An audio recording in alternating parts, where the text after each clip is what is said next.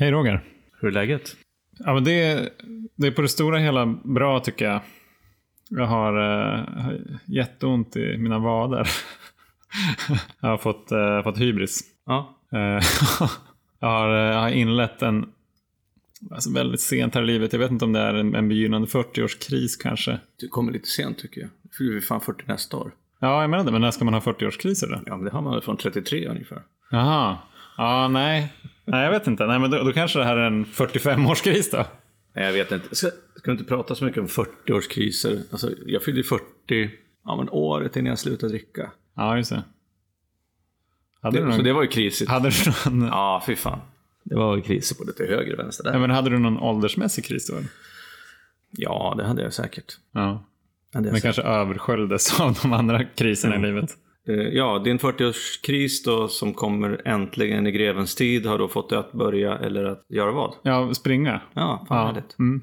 Lite så det är här eh, väldigt- härligt eh, måttfullt och... Eh, Självklart måttfullt. Nej, jag vet inte vad det är. Alltså det, jag pratar ganska ofta med Josefina om det här. Att jag fortfarande verkar sakna förmågan att göra saker och ting måttfullt. mm. Jag tycker inte att det är kul. Helt enkelt. Nej. Jag kan, jag kan göra det en, en kort tid. Men um, så jag vet inte, det är liksom någonting som drar igång. Jag tänker så här, men nu ska jag slå mitt, eh, mitt tidigare rekord på den här distansen. Mm. Så idag sprang jag lite för långt, lite för snabbt. Men jag tyckte, det var, jag tyckte det var så kul. Och sen så har jag märkt att det är svårt att inte springa snabbt när jag vill komma hem till vår lilla bebis. Sant. Ja, det är så här, ju snabbare jag springer desto snabbare kommer jag hem. Då kan man tänka så här, spring en kortare distans då. Ja, men jag är inte så frisk. Nej. Så att, ja, vi får väl se vad det blir för konsekvenser av det här imorgon. Ja. Men konsekvenser är ju lite roligt. Ja, ja det, ja, beror på vad man menar med roligt. Men Ja, som, som eh, en företeelsebegrepp. Eh, det är konstigt att vi inte pratar mer om konsekvenser egentligen. Eftersom allt vi gör har ju konsekvenser. Oavsett ja, om de är dåliga eller bra. Och du har ju, du har ju funderat lite grann på det här under de, den senaste tiden, har jag hört. Ja, jo men precis. Och just utifrån det perspektivet att ofta när vi pratar om konsekvenser så pratar vi om negativa konsekvenser. Det vill säga, när jag drack, som jag gjorde, så fick det konsekvenser. Till exempel att jag mådde piss. Ja. Nej, men så här, jag, var, jag var ju ständigt trött i princip. Jag kände mig ständigt stressad över saker och ting. Jag sov jättedåligt. Jag försakade mina viktiga relationer. Jag började få problem med levern. Jag vägde för mycket för mitt eget bästa. Och så vidare. Och så vidare. Mm. Och det var ju bara en tidsfråga innan konsekvenserna skulle bli ännu värre. Så utifrån det perspektivet är jag glad att jag slutade dricka i tid Mm. innan, innan det gick riktigt åt helvete. Och jag har liksom tänkt på konsekvenser som att det är dåliga saker.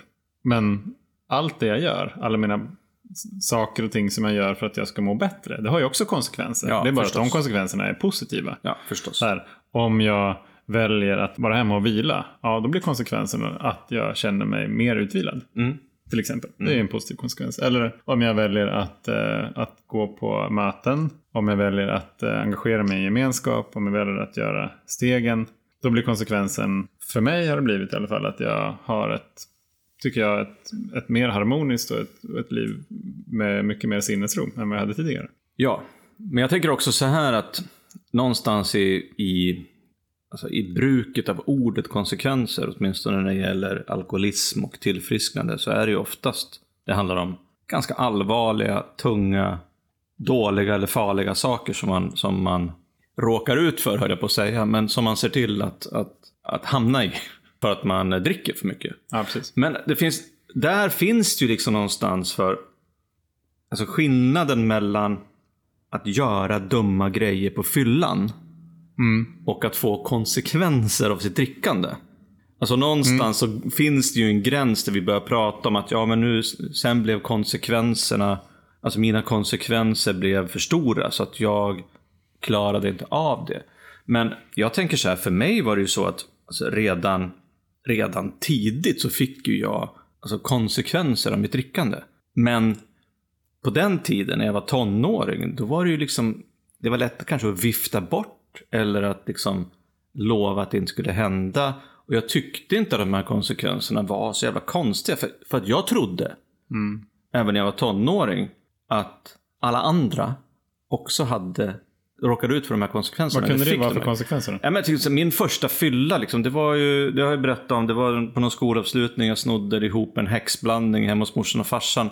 Åkte till ett, en fest i något radhus någonstans i ett bostadsområde i Västerås. Och satt liksom sen på toaletten och spydde upp liksom maten i handfatet.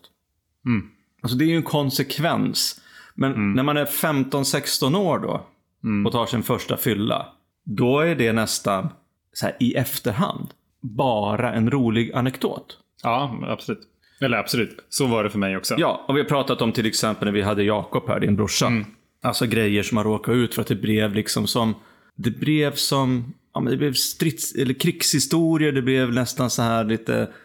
Ja, men det blev ett tecken på att man ändå kunde släppa loss och vara en galen människa. En skön kille på den tiden. Sen så, alltså fan, jag var, redan när jag var 19 år så körde jag ju bil på fyllan med brutet nyckelben. Ja, just det. Och tyckte liksom att, ha ha ha, efteråt. Det var väl helt normalt. För mina kompisar någonstans tyckte ju att jag var lite galen, lite vild, lite rolig och jag kände mig liksom sedd på något vis. Även fast det, jag tänkte inte på det när jag, när jag utförde de här konstiga handlingarna. Alltså jag, åkte, jag fick sitta i fyllecell också när jag var kanske så här 22. Mm. Vad tänkte du om det då? Ja, men det, var, det var ju liksom... Det var ju då, jag har ju berättat den här historien förut i podden, liksom, men, men det var ju då jag och en kompis var fulla. Vi skulle få tag på någon tjej som jag hade någonting lite grann på gång med, trodde jag. Och eh, hon var inte hemma, men hennes föräldrar var hemma. Men de vägrade öppna dörren och vi gick ner i källaren och stängde av liksom strömmen till hela huset. Gjorde ni det? Ja, Jag tror inte jag har hört den här. Jo, det, det. Så, eh, Men i alla fall. Och då kom polisen dit. Och vi satt där nere i mörkret och väntade, jag och min kompis. Och, eh, och sen så började de liksom, hörni grabbar, vad fan håller ni på med? Och istället då för att, för att eh, tycka att oj, det här var ju jobbigt och pinsamt och en, en kanske, kanske en ganska ovälkommen konsekvens av det vi hade gjort. Ja. Då blev ju jag aggressiv. Inte så att jag var slåss, det har jag aldrig gjort i mitt liv. Nej. Men jag började kalla, jag började kalla poliserna för jävla fascister. Ja. Har ni inget bättre för er, era svin? Ni kan dra åt helvete. Vi sitter bara här och väntar på en tjej. Ja. Eh, vilket ledde då till att jag blev ju då omhändertagen, men min kompis fick ju åka hem. Undrar varför? Ja. Och efter då, jo, den natten, jag skulle ju vara med och sjunga Judas liksom i, i Jesus Christ Superstar någon, någon månad senare. Så jag gick ju runt i fyllecellen liksom och övade på mina, mina partier. Vilken jävla syn. Och sen, och sen Kom du ihåg det på fyllan eller? Ja, det lät säkert inte så bra. Men, och sen när jag blev utsläppt därifrån, klockan sex, liksom en söndag morgon, det var mitt i vintern var det dessutom. Så hade ju någon jävla polis snott mina nycklar. För de var ju inte med när jag fick tillbaka mina grejer. Ja? Så då fick jag alltså gå mot... För jag, jag kommer ihåg att jag hade ramlat på cykeln också. Fick jag gå och så leta efter mina nycklar i någon snödriva. Jag hittade dem aldrig. Alltså, både jag och du och massor av alkoholister, eller det behöver inte vara alkoholister, alla jävla människor har ju gjort dumma jävla grejer på fyllan. Eller råkat ut för saker som man inte ville vara med om. För att man har Ja. varit full helt enkelt.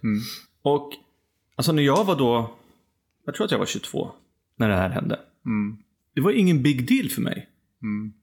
Förutom att morsan öppnar ju... Jag fick något brev från socialen att jag skulle dit på något uppföljningssamtal efter man hade varit in på så sex timmars. Och mamma då jobbade på... Sex timmars är lika med fyllecellen? Ja. Okej. Eh, mamma jobbade ju då inom, inom kommunen som lärare. Så hon fick ju hem sina, sin eh, korrespondens från sin arbetsgivare i samma, i samma kuvert Aha. som jag fick min kallelse till socialen. Så, så en, eh, en kväll då när jag kom hem från jobbet, jag jobbade då, så, så satt hon där i sin fåtölj och såg väldigt sträng och, och bitter och arg ut. Och viftade med det här. Vad är det här för någonting? Ja. Det är en relevant fråga. Ja, det var en relevant fråga. Men hela den diskussionen sen gick ju ut på varför hon hade öppnat min post. Ja, såklart. Såklart. Det kan man inte lita på.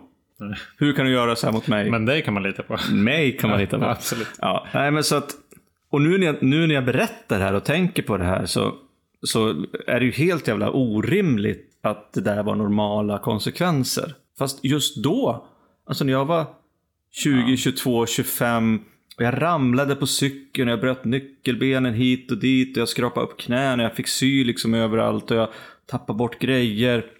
Ja, höll ju på att åka fast för, för fyllekörning.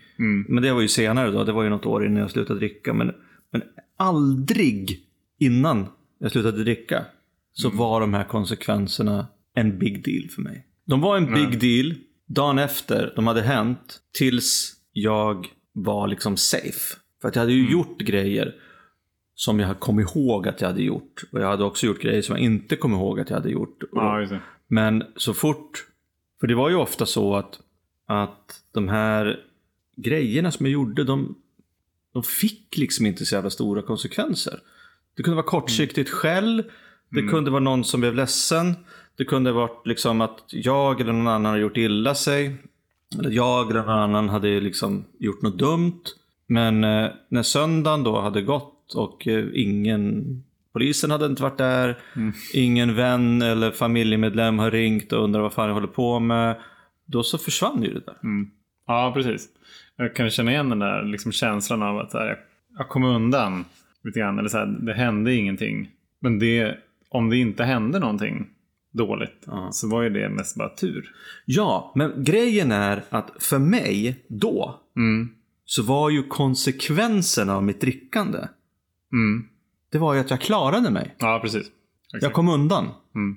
Konsekvenserna var att det fick inga konsekvenser. Alltså på, på lite längre sikt eller på, ja visst, min relation till min exfru eller till mina barn kanske fick en törn kortsiktigt. Men den lyckades ju jag, trodde jag, reparera. Ja, precis.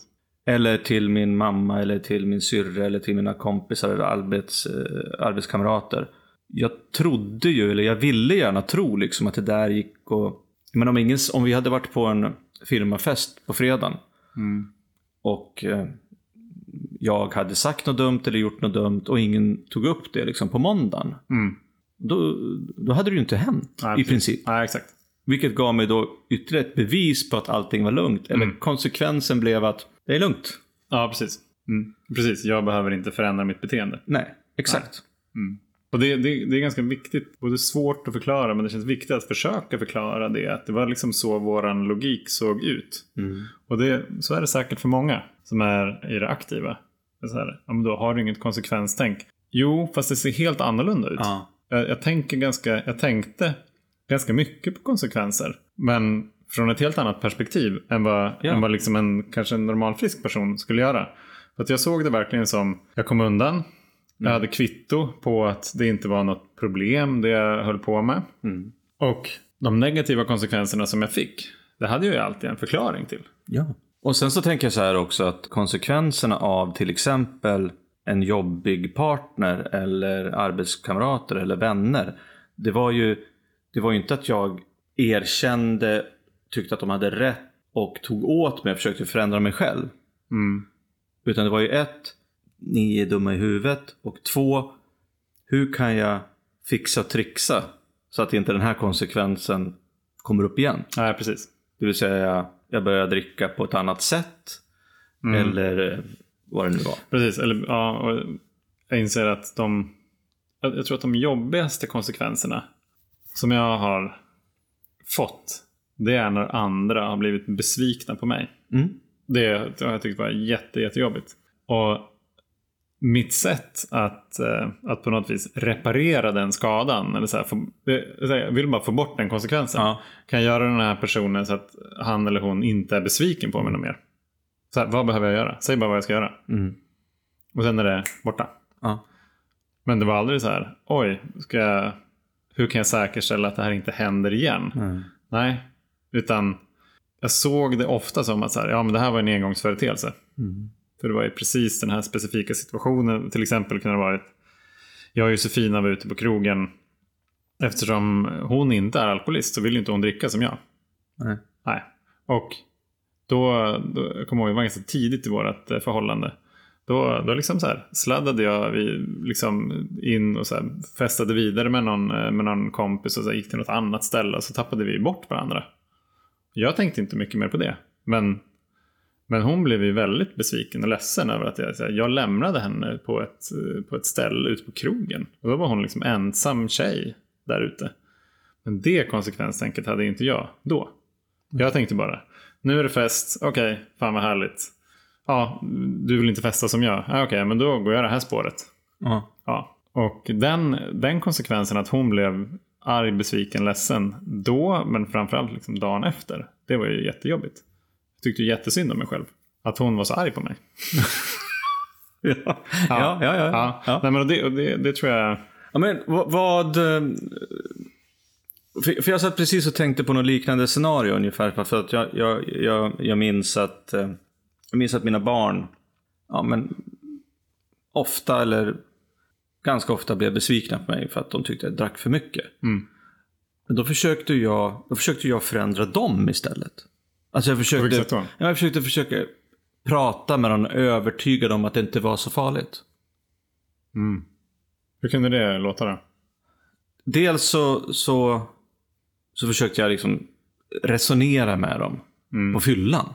Ja men, nej, men det är lugnt. Ja, men ja, det, det är inte så farligt vet du. Så här, mm. Jag är inte så full. Jag är ju snäll typ. Och ni har det bra typ. Mm. Ni har ju fått leksaker och ni har en ny cykel. Ja, men lite ja. sådär. Ja. Och sen så, så det jag gjorde också som en direkt konsekvens över att bli avslöjad eller ertappad eller liksom kritiserad. Mm. Det var att lova att det inte skulle hända igen. Ja, Väldigt kortsiktigt. Så. Ja. Bedyra, lova, mm. bara för att, precis som du säger, så här, få det här att lugna ner sig. Ja, precis, ja. Så det var det egentligen jag tänkte. Så hur, hur, hur gjorde du då med, med Josefina? För att få det här liksom lugna ner sig? Avlade du Nej, heliga jag... löften? Svor? Med eller utan bibel? Ja, precis. Nej, men jag, jag, tror, jag kommer inte riktigt ihåg, men jag, men jag, tror att någonstans i det där så, så, så låg det att så här, okay, nästa, gång, nästa gång vi går ut så ska jag inte lämna dig. Mm.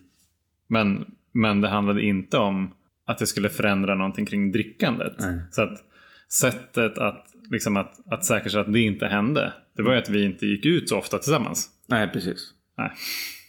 Precis. Utan så här, vi, det var väl kanske bra för oss båda. Alltså så här, det, det behöver inte vara negativt. Nej. Men, men, men det, det är ju ett ganska, för mig, liksom sjukt sätt att hantera de konsekvenserna jag får av drickandet. Att säga, lämna min partner ute på krogen. Ja, mm. okej. Okay. Då är det inte så här att okay, jag ska dricka mindre. Nej, det är inte, det är inte medicinen. Utan det är att nej, då går vi inte ut tillsammans. Eller vi säkerställer mm. att eh, det, det, finns alltid en tjejkompis med. Uh Som du kan vara med. Precis. Men eh, när, när jag tänker på det så, så inser jag att en, en av en riktigt så här jobbig konsekvens som jag fick av drickandet som jag inte riktigt fattade då kanske. Det var efter min, min session i London. Som där jag var, när jag var 19, 20. Mm. Då, um, då drack jag så pass mycket att jag efter, efter några månader inte ens inte visste hur jag skulle prata med folk. Nej. alltså jag så här, verkligen. Eh, jag, jag fattade inte vad folk pratade om när de pratade med varandra. Det var helt blankt. Jag kom liksom in i ett läge där jag så här, försökte någonstans dekonstruera mm. liksom, det, det, det samhälleliga samtalet och liksom mellanmänskliga dialoger. Uh. Och, då, och då blev jag rädd. Och jag, jag tror ju att någonstans att så här, okay, dricka sju dagar i veckan, det kanske inte är rätt väg att gå. Jag märkte ju att så här, varje gång jag drack så mådde jag dåligt. Men kunde du eller ville du liksom prata med folk när du drack? Var det liksom smörjmedel uh, eller sket du i det bara då? Nej, men då, nej, alltså jag, jag kunde i princip inte göra det heller nej. då faktiskt. Men det, jag, du, alkoholen fick du ändå känna, ta bort lite av den där paniken? Ja, då var det mer att jag inte tänkte på det. Ja. Utan jag, jag, kunde sitta och prata med mina närmast vänner som jag hade ja. om, jag vet inte vad vi pratade om, men, men det var inte som att jag, jag såg hur andra kunde ta kontakt med nya personer. Mm. Och jag ville förstå hur de gjorde. Men det, det kändes som att jag var så jävla långt ifrån det där. Ja. Och eftersom jag, jag var 19-20 år. Ja. Och det var så här, första gången som jag bodde hemifrån själv. Bodde i ett nytt land, var i London. Och så här. på, på ytan någonstans så skulle den, och enligt planen som var i huvudet, så skulle det vara en tid fullt av liksom fest och tjo och tjim och mycket, ja men så här, en period av utveckling antar jag. Och kanske någonstans så här att inträda i vuxenlivet. Och att träffa massa nya härliga människor. Men det som hade hänt efter, det var liksom ett halvår av drickande. Så satt jag där och kunde inte ens prata med folk. Alltså var så här, Du gick och- bakåt i utvecklingen. Ja men verkligen. Och, så här, och hur, hur hände det? Så här, När hände det? Jag vet inte riktigt. Men, men eh, någonstans på vägen så började ju måendet att ehm, bli riktigt pissigt. Precis, och, men jag känner igen den här konse- alltså konsekvensen av att dricka och kanske inte vilja eller våga eller kunna ha liksom ett fungerande liv utanför själva drickandet. Ja, precis. Så var det ju för mig på slutet att det, det, allt jag gjorde egentligen handlade om att, att få vara med mig själv fast på fyllan. För det, Ja, var, ju- det var ju, det var, jag hade en sån här jag mot världen-känsla och eh, att, eh, att jag fick den enda gången jag kunde vara sann mot mig själv. Mm. Inom citattecken. Och, Det var ju när jag fick vara ensam och dricka. Ja, Men en annan grej jag tänker på just det där med konsekvenser, att, det, att de här negativa konsekvenserna som, som kanske, jag vet inte, många människor som inte är alkoholister kanske tycker att om, om de hade haft liknande konsekvenser som du och jag någonstans i tonåringen, 19, 20, 22, 25 där. Så kanske de hade liksom sagt så här, nej vet du vad, nu, nu så är det nog dags för mig att kanske ta på mig hängslena och, och göra något vettigt med mitt liv. Mm. Men du, var du 35 när du slutade? Ja, ungefär? Och jag var 41. Mm. Och, och det som slår mig nu när vi har det här samtalet är att även fast jag inte tänkte på det då så jag fick ju ganska mycket konsekvenser redan tidigt. Fast jag fattade det, jag såg inte det då.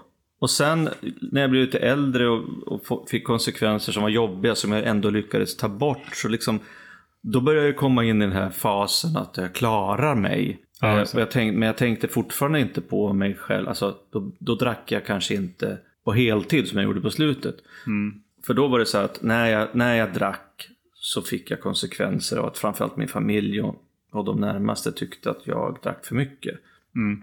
Så att då, då kanske jag började tänka på att ja, men jag får, då, då får jag börja dricka lite mer för mig själv då. Mm. Och sen så gick den där utförsbacken neråt. Och, och när jag väl var i den där utförsbacken, då, där fanns det ju inget fäste.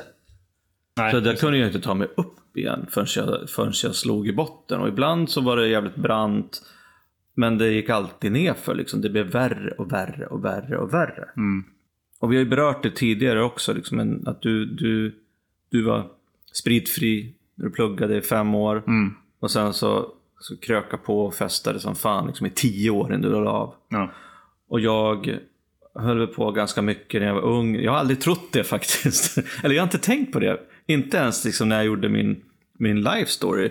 Jag, jag har faktiskt eh, sett på min liksom, tonårs, eller min tidiga fyllekarriär som ganska normal. Mm. Fast nu när jag börjar tänka på det mer, kanske inte riktigt har vågat tänka på det. För att konsekvensen av att jag skulle se att jag hade ett sånt här beteende redan när jag var 19-20 skulle göra det ännu jobbigare för mig att förstå varför jag fortsatte i 20 år till innan jag slutade. Ja, just. Men just det där att konsekvensen av att dricka, att vara alkoholist, det blir för dig och mig till exempel att vi inte kan göra någonting åt vårt drickande förrän det liksom är dags. Ja, precis. Och när det är dags, det vill säga. Ja, när det slår i, slår i botten Ja, precis. och kapitulerar och erkänner att vi är alkoholister och slutar dricka och vara först spritfria och sen hitta ett nyktert liv. Mm. Jag tänker på en annan grej. Mm. Man säger att alkoholism är en, en progressiv sjukdom. Mm. Det vill säga att man, det, liksom, det eskalerar. Och det låter ju som det, alltså här, när du berättar om så här, the, the slope. Det, liksom, Ja. det, finns inget, det finns inget fäste i den här, Nej. utan det liksom bara fortsätter. Och jag tänker att för mig så var det nog så att, jag, jag vet inte om, om, liksom, om mängden som jag drack, om det var det som, som eskalerade till att jag drack mer och mer. Kanske. Jag kanske drack ofta, jag, jag drack nog oftare de sista tre åren jämfört med de liksom, första tre åren på den här tioårsperioden. Men det som, det som framförallt var progressivt för min del, det var ju konsekvenserna på måendet. Att jag mådde så fruktansvärt dåligt. Och inte när jag drack, utan när jag inte drack. Ja. Det var, det var det som var den stora skillnaden. Alltså om jag, om jag höll mig undan att dricka tisdag, onsdag, torsdag. Någonstans runt, eh, runt eh, 2005. Ja, det var väl okej. Alltså det var ju bara en helt vanlig jävla Ja. dag liksom. Ja. Medans 2015 så var det så här. Ja okej, men nu till helgen måste det verkligen hända någonting. Nu har jag varit nykter i liksom tre hela dagar här. Och eh, bara längtar liksom till den. Så att ibland så kan ju konsekvenserna vara det som är när vi inte dricker också. När vi inte får dricka. Så kändes det ju då. Och sen, sen tänker jag också på hur vet man då jag, jag tror att det är många som kan känna igen sig att man har de här konsekvenserna när man är i tonåren till exempel. Så här. Man, och, och det, jag, tänker att för många så är det en del att men att växa upp, man testar. Liksom, Du får testa alkohol. Det är liksom en, en laglig drog i Sverige fortfarande. Det är liksom samhälleligt accepterat. Och att, att förstå liksom hur jag blir när jag dricker, det kan jag bara få reda på om jag testar. Annars vet jag ju inte.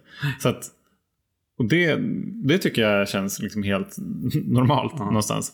Men vad, vad, vad tänker du kring här, hur vet jag när mina konsekvenser liksom pekar åt fel håll och inte bara är eh, någonting som är tonårsstreck Ja, men eller liksom roliga historier? Ja, men jag, jag, kan tänka, jag kan tänka så här att så här i efterhand kan jag säga att ett tecken på att jag hade problem med drickandet eller med konsekvenser, mitt beteende när jag drack.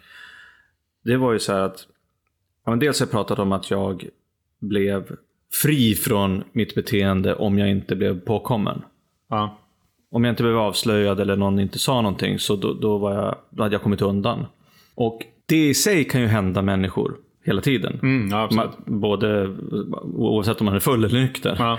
Men jag tänker så här att när jag började tänka på att jag inte ville, kunde, vågade, hade någon lust att faktiskt berätta för någon annan människa i världen hur mitt drickande faktiskt såg ut. Ja, just det. Själva, ja, precis. Själva drickandet. Ja, själva drickandet. Ja. Jag berättade inte för folk att jag drack i bilen. Nej. Jag berättade inte för folk att jag hade gömt öl i, i garaget. Mm. Jag berättade inte för folk att jag jättegärna var den perfekta världen och gick och hämtade mer vin i köket till, till matgästerna för att jag, så att jag själv kunde hälla i mig två glas medan jag var ute i köket och de andra satt kvar i, i matsalen. Alltså, när jag började skämmas för eller inte tycka att det är när det här, it's none of your business, Ja, det här är min grej. Mm. när den här liksom, när jag började bli beskyddande kring hur jag drack. Ja. Så i efterhand har jag tänkt att då var jag liksom fast. Mm.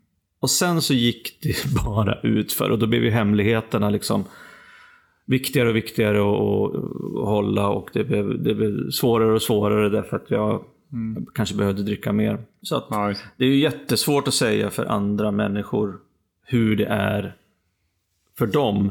Mm. Men- ja, precis. Alltså, det kan vi inte säga så mycket Nej, om. vi- så vi vet ju vad som har hänt oss och, och hur vi gjorde och hur vi var och hur vi kände. Och vi, vi vet också hur våra kamrater i, i de här olika gemenskaperna som vi träffar, hur de, Mm. hur de hade det och vad som hände med dem och hur de har det nu. Så att, Mm. så att en liten bild av hur alkoholister är. Ja, precis. Jag, jag, jag tänker att det gör ju det också svårt för någon utanför. Aha. Oavsett liksom hur nära man står personen. Att bedöma om mitt sätt att dricka på liksom är alkoholistiskt eller skadligt. Mm.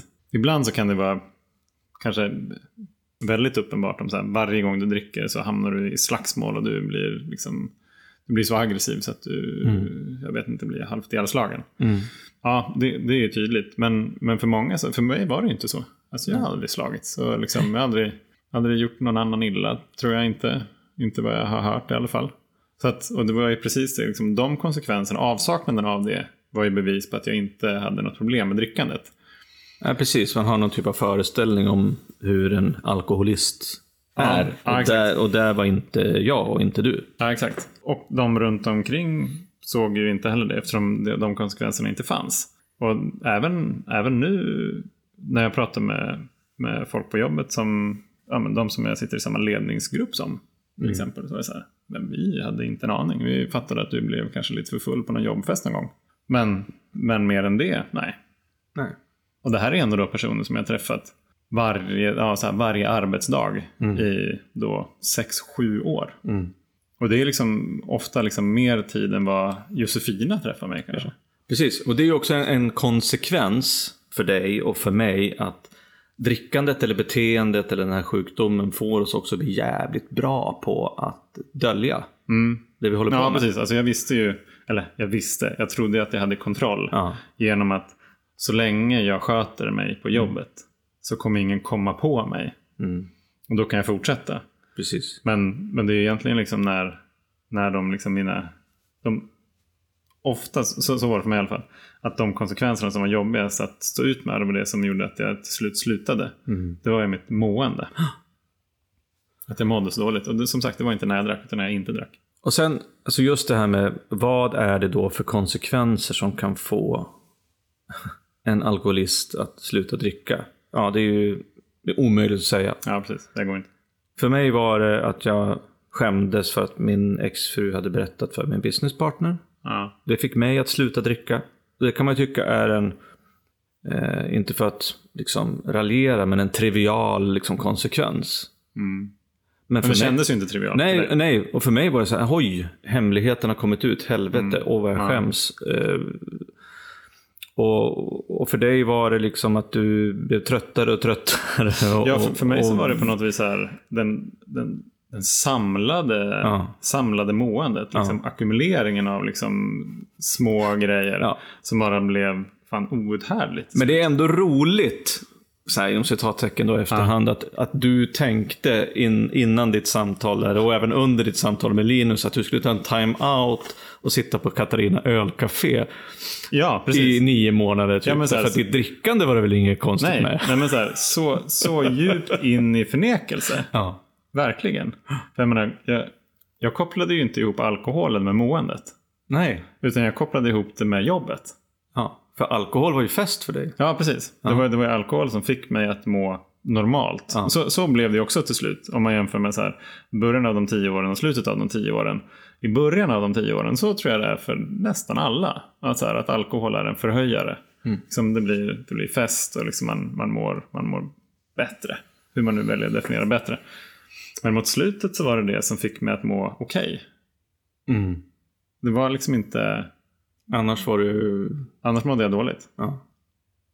Så att det liksom, det hade, så ja det, det, det blev ju någon form liksom av en höjare. Mm. Men det var aldrig liksom en bonus eller någonting. Utan det var, det var bara att komma upp till liksom ett, ett normalläge. Och däremellan så var En det dräglig nivå. kamp. Ja, En dräglig nivå, precis.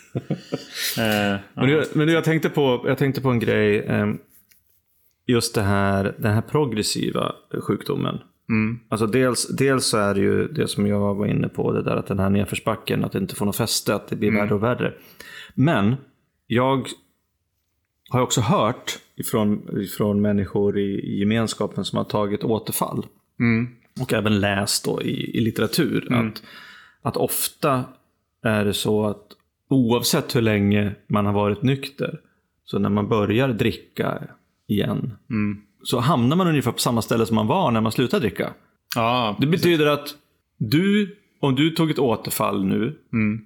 kanske inte första dagen eller de första 72 timmarna som Per Holknekt var noga med att påpeka, så skulle du skulle förr eller senare, förmodligen förr, hamna i att du måste festa onsdag, torsdag, fredag, lördag.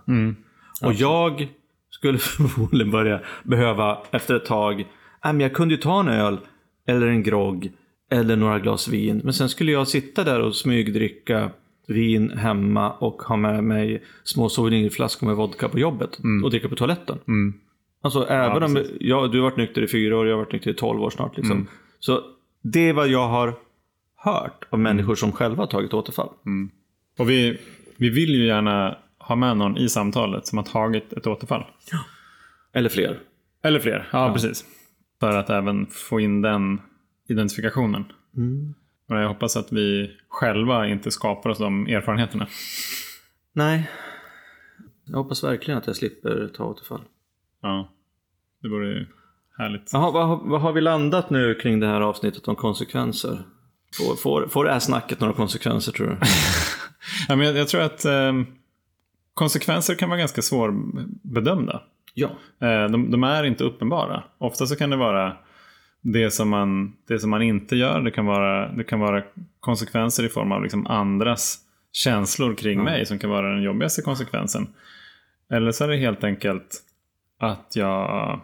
Ja, men liksom, eller så kan, kan, kan en konsekvens vara liksom avsaknad av välmående. Mm. Så, så här, väldigt svårt för, för dem utanför att, att se. Precis, och sen så tänker jag också att, att jag och du alltså vittnat om också att ja, men, vi kanske inte värderade konsekvenserna heller på samma sätt som, som andra icke alltså, friska, normala människor gör. Att en, en, en fyllegrej kanske vi bara viftade undan medan till exempel som i mitt fall då att oj, någon berättade konsekvens. Så att just både värderingen av konsekvenser för oss så kanske såg annorlunda ut och hanteringen av konsekvenserna. För, för jag, jag inser nu, nu när du säger det att ja, anledningen till att jag ville vifta undan det inser jag nu det är att jag inte ville ta ansvar för handlingen, agerandet. För att om det inte fanns någon konsekvens, Nej. då behöver jag faktiskt inte ta ansvar. Nej, exakt. Och, och jag antar att det, det kanske är det som förenar många av oss här. Vad händer liksom, när vi slår i botten? Så är det så här, ah, vad fan, nu är det tillräckligt mycket konsekvenser, nu måste jag ta ansvar. Ja, Och det är det som är liksom, en av switchesna som, som görs när jag går från förnekelse till förändring. Alltså, för jag, menar, jag kunde ju vara så länge i förnekelse. Jag menar så här, att min plan var att sitta och dricka öl i nio månader. Eh, för att jag inte ville ta ansvar för mitt handlande. Det var, det var någon annan ja, som, som var ansvarig för att jag mådde som jag mådde. Och jag tänkte nog att jag tog ansvar genom att sätta mig i nio månader på Katarina Ölcafé. ja. För, för, för att det var ett annat sätt att agera. Men, men, men det var ju bara det var ju en, eh, en handlingsplan av en sjuk hjärna. Ja, exakt. Och jag tänker också det där att, att mitt agerande blev ju ofta att jag försökte dölja mitt drickande. Mm. Om jag fick konsekvenser av mitt drickande så försökte jag då hitta andra sätt att dricka. Vilket, alltså en konsekvens av det blev ju att jag satt och drack i bilen. Ja, just det. Och det gjorde jag ju av två anledningar egentligen. Och den viktigaste anledningen var att ingen skulle komma på mig att jag drack. Men jag tror också att en del i det resonemanget var att jag inte ville, som du var inne på, jag inte ville göra mina nära besvikna. Men jag kunde inte ta ansvar för mitt drickande. Nej. Däremot så kunde jag, försökte jag ta ansvar för deras känslor genom att dölja mitt drickande. och då tyckte jag att jag hade löst problemet. Snillrik Se. lösning. De är inte besvikna längre. Nej, precis. Perfekt. Ja. Nej, Ja. Men, och jag, jag tror att jag tänker, jag tänker ju rätt mycket på konsekvenser idag. Ja. Jag tänker ganska mycket på uh, vad, vad, vad får det här som jag gör för kortsiktiga och långsiktiga konsekvenser. Kanske framförallt tänker jag på kortsiktiga konsekvenser. Men till exempel, vill så här, hur vill jag må idag? Ah, men idag, idag vill jag vara närvarande. Okej. Om jag väljer att meditera i tio minuter, ja, då, får, då blir det en konsekvens. Att jag känner mig mer närvarande under dagen. Ja. Ja. Och om jag till exempel vill ha ett, eh, ett bra, kärleksfullt, nära förhållande med Josefina. Ja, då behöver jag göra andra saker. Till exempel att vi är hemma tillsammans under föräldraledigheten. Det är liksom också ett beslut som får mer både kort och långsiktiga konsekvenser. Poängen tror jag någonstans är att idag så är jag medveten om att allt jag gör får konsekvenser. Och jag älskar verkligen eh, den, eh, att, att ta tillbaka makten över det någonstans. Att, så här, att jag, har, jag har själv ett ansvar Mm. över vilka konsekvenser jag väljer. Men det är upp till mig att göra det. Det är inte någonting som bara händer. Förut så tänkte jag på konsekvenser som att vad stackars mig att det där hände mig. Mm. Ja, det var för att du gjorde idiotiska grejer. Ja. För att du gjorde ansvarslösa saker. För att du valde att göra folk besvikna. Jag såg det inte så då. Nej. Så jag ville bara skylla ifrån mig. Jag ville att det skulle vara någon annans fel. Och tänkte att mm, någonstans, i alla fall implicit, att frihet var att inte behöva ta ansvar. Men idag vet jag att det är precis tvärtom. Att jag blir väldigt fri när jag själv tar ansvar. Ja. Sen så blir det ju inte alltid som jag har tänkt, men jag kan i alla fall göra mitt bästa. Ja, du kan, all, du kan ju ta ansvar för din del. Liksom. Ja, precis. Så, här vill, så här vill jag göra, så här vill jag vara, så här vill jag liksom, interagera med min omgivning. Och så här vill jag bidra till ja, familjen eller vänner eller samhället. Ja, Och sen, precis som du säger, sen, sen blir det som det blir. Men då har jag åtminstone tagit ansvar så att ah, alltså de konsekvenser som, som blir av mitt handlande, det är, det är liksom i, i, i den riktning som jag vill utvecklas. ja precis. Ja, hörru. Har vi något mer? Ja, men jag tänker att... ehm, ja, men jag har en fundering till. Sen ska vi... ja, men jag, jag, tänker ganska mycket på så här mående. Jag tänker på till, liksom det tillstånd som jag befinner mig i just nu. Hur jag, ja, men hur jag mår. Mm. Det är en konsekvens av mina tankar, känslor och handlingar. Mm. Och när jag kommer ihåg det så kan jag ju så här, då kan jag vara nyfiken på vad är det som gör att jag inte mår bra kanske? Mm. Vad, vad, vad är det som gör att jag känner mig rädd just nu till exempel? Om jag skulle känna mig rädd. Eller vad, är- vad är det som gör att jag känner mig orolig för någonting? Eller vad, vad är det som, ja och så vidare. Och eftersom jag vet att det är en konsekvens av det jag tänker, känner och gör. Så kan man säga, är det någonting som jag tänker just nu omedvetet som gör att jag känner så här, att jag mår så här, att mitt tillstånd är att jag är, jag är orolig. Och det ger ju mig liksom det ansvars och manövreringsutrymme som jag kan ha. Jag kan inte göra så mycket mer. Nej, eh, precis. Och sen, sen är det väl så här också att eh, handlingar, ja, action speaks louder than, than words. Alltså att handlingar gör mer skillnad än ord och tankar och eh, tänker jag. Jag, eh, just det där man tänker hur, hur, man, hur man är mot andra människor eller vad som faktiskt, alltså vilka konsekvenser ord kan få eller handlingar kan få. Och då tänker jag på en grej som jag tror att det var idag faktiskt. Och, eller kan möjligen igår. Och det här är någon i mitt eh, Instagramflöde tror jag som gärna får ta åt sig cred för det jag nu kommer att säga. För att jag såg det, jag såg det där. Och det var så här ungefär, det var på engelska men jag översätter. Det var så här, säg inte att du saknar mig. Utan säg att du här, är här utanför med tacos.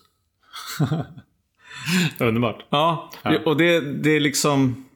Det där är någonting som jag kan tycka att jag har svårt med. Jag är lätt för att tänka och teoretisera och intellektualisera både känslor och tankar och handlingar och idéer och, och utveckling. Jo, men jag borde göra så här. Det är därför jag sitter och pratar i en podd till exempel. När jag egentligen borde stå utanför någon dörr med tacos. För att visa vem jag är och vad jag kan, vad jag kan bidra med. Så mer tacos. Mer tacos, ja, precis. ja, sen, sen så med, med det sagt så jag kan ju vid varje given tidpunkt tänka mig till ett fruktansvärt mående. Också. Mm, absolut. Det, det går ganska fort. Men, eh, men det är heller inte tanken som räknas. Nej. Tycker inte jag. Hade det varit det så hade ju alla suttit på mentalsjukhus. Det är inte tanken som räknas. Nej. Det är tacos som Det är räknas. tacos som räknas. Yes. Det är ännu ett i raden av klassiska Kidspodden-citat. Ja. ja, jag tror vi rundar av den här diskussionen här. Ja, det, Vi det är lika bra. Många trådar, som vi, trådar som kommer vi dra i framtida avsnitt. Hörni, ni där ute som lyssnar. Hoppas att era handlingar som ni gör här nu under helgen Mm. kommer att få de konsekvenser som ni vill att de ska få. Ja, håller tummarna för det. Ta ansvar för konsekvenserna. Underbart. Vi hörs nästa vecka hörni. Ja, det är vi. Kram.